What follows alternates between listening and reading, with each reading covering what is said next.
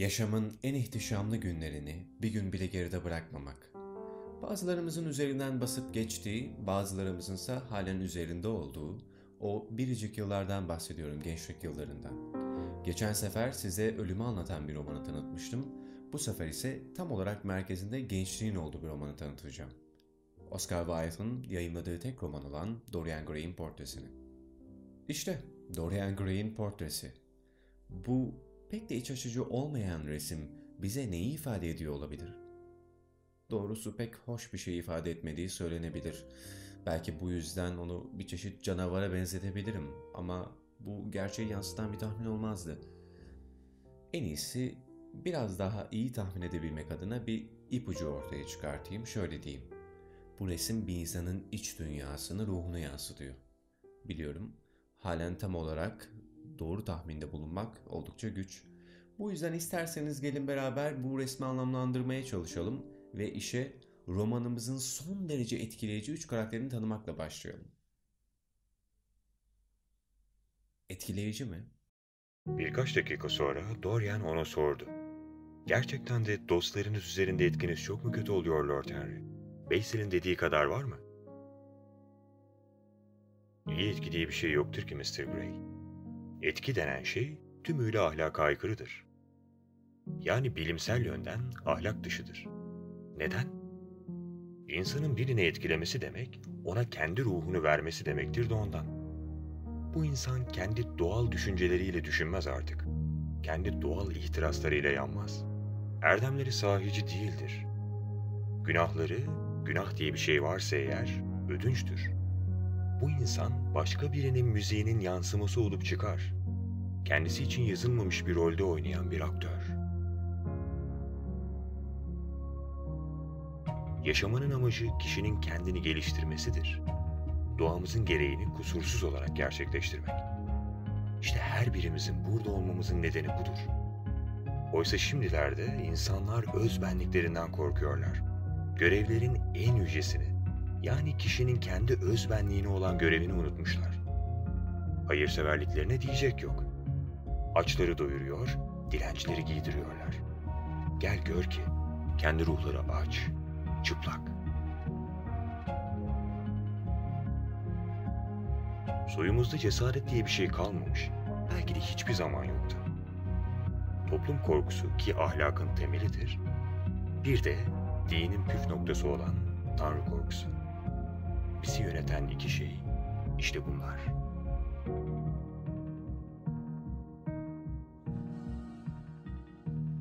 İlk olarak Dorian Gray ile başlayalım derim. Kendisinin fiziksel güzelliği romanın diğer karakterlerinin çoğu zaman övgü sözcüklerindedir. Bu genç beyefendi yaşama ve yaşamın getirdiği zenginliklere karşı büyük bir heves ve heyecan içindedir. Her şeyden önemlisi Dorian Gray, portrenin ta kendisidir. Basil Harvard, çoğu zaman sanattan, resimden başka bir şey olmayan, Dorian Gray'in gizemli ya da büyülü diyebileceğimiz portresinin ressamı. Kendisi bu resmi tamamladığında onun yaptığı en iyi iş olduğunu farkındaydı ama buna rağmen çok istediği sergiye bu resmi göndertmedi. Çünkü bu resimde bir tuhaflık seziyordu. Biz okurlar bu tuhaflığın Basil'in tahmin ettiğinden çok daha üst bir konumda olduğunu romanın ilerleyen kısımlarında görürüz. Lord Henry, seçkin ve tecrübeli bir burjuva. Biraz züppe, birazcık ukala ama çoğu zaman oldukça zeki biri. Kendisinin aforizmaları biz okurlar için oldukça önemlidir. Çünkü bir yandan romanın gidişatını merak ederken bir yandan da Lord Henry'nin sahneye çıkacağı anı merak ederiz. My visit to you hasn't been wasted, Basil. I found a rare and beautiful butterfly, Juvenes antiopa. It's very unusual in England. Don't you think it's beautiful, Mr. Gray? Yes, Lord Henry, very beautiful. You may sit down now, Dorian. I'm glad you met Lord Henry after all. Are you glad, Mr. Gray? I'm glad now. I wonder if I shall always be glad. Always. That's a dreadful word. Makes me shudder to hear it. Women are so fond of using it. They spoil every romance by trying to make it last forever. The only difference between a caprice and a lifelong passion is that the caprice lasts a little longer. Kendisinin aforizmaları biz okurların düşünce yapısıyla çoğu zaman bağdaşmasa da onun söyledikleri okuma serüvenimiz içerisine yerleştirilmiş eşsiz tatlardır. Romanda elbette başka karakterler de var ama şu anki anlatımımıza bir katkıları olmayacağı için onlardan bahsetmeyeceğim. Burada hem Lord Henry hem de Dorian Gray'i tanıdığımıza göre Dorian Gray adına ufak bir ekleme yapmam gerekiyor. Dorian Gray, Lord Henry ile tanıştığı ilk andan itibaren onun zekasından ve tecrübesinden etkilenir. Bu yüzdendir ki onu akıl hocası konumuna getirir. Hatta Lord Henry'nin söylediği bir söz Dorian Gray'in hayatında önemli bir değişime sebebiyet verir. Bu değişimi öğrenebilmek adına hikayenin başladığı yere gidelim. Basil Dorian Gray'i resmini tamamlayabilmek adına evine davet eder ama hemen öncesinde bir misafiri vardır. O misafir de Lord Henry'dir. Lord Henry Dorian Gray'in geleceğini duyar ve oldukça ilginç, parlak bir karakter olan Dorian Gray'i tanıyabilmek adına misafirliğini uzatır. Bu tanışma sırasında Dorian Gray, Lord Henry'den gençlik adına söylenmiş çok ilginç, çok dikkat edilesi sözcükler duyar. Bu sözcükler genelde gençliğe övgü sözcükleridir ama aralarından bir tanesi Dorian Gray'de önemli bir etki yapar. O da şudur, yaşamaya değer tek şeyin gençlik olduğudur. Hatta Dorian Gray, gençliğinin kaybolacağı için yeis içerisindeyken resmi tamamlandığında şöyle bir tepki verir. Belki isteyerek, belki istemeyerek. I must congratulate you, Basil. Look at yourself, Mr. Gray.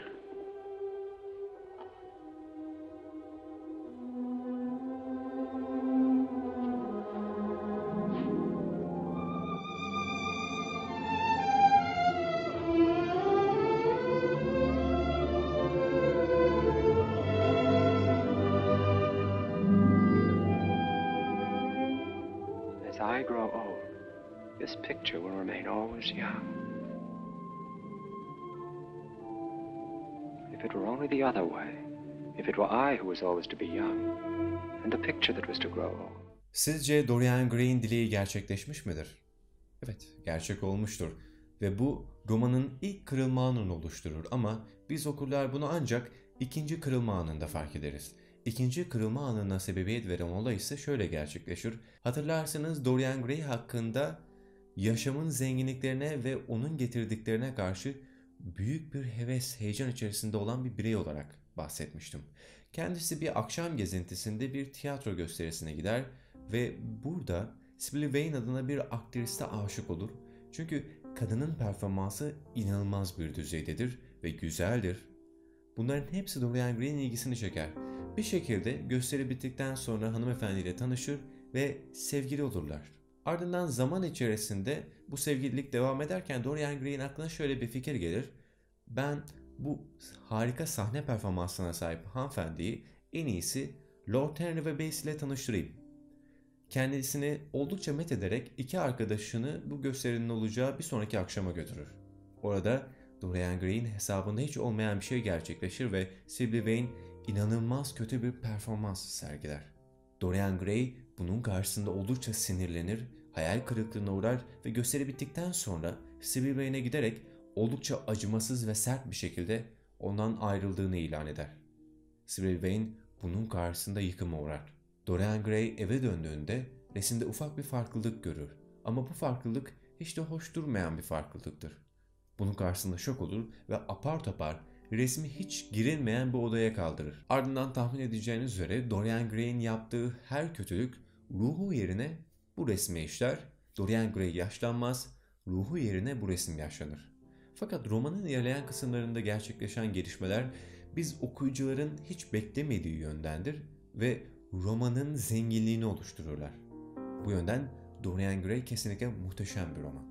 19. yüzyılda Dorian Gray'in portresi yayınlandığında birçok sansüre ve eleştiriye maruz kalmış içeriğinden dolayı. Buna rağmen şimdi yaşadığımız yüzyıla geldiğimizde halen çok parlak ve güçlü bir edebiyat eseri olmayı sürdürüyor. Karavandaki kütüphanede Oscar Wilde'ın yayınladığı tek kitap olan Dorian Gray'in portresi vardı. Hatırlarsanız geçen hafta size Lord Henry ile tanışma sözü vermiştim. Bunu bir ölçüde gerçekleştirdiğimizi düşünüyorum. Artık Lord Henry'i biraz olsun tanıyabiliyoruz. Ama bence son derece merak uyandırıcı bir karakter.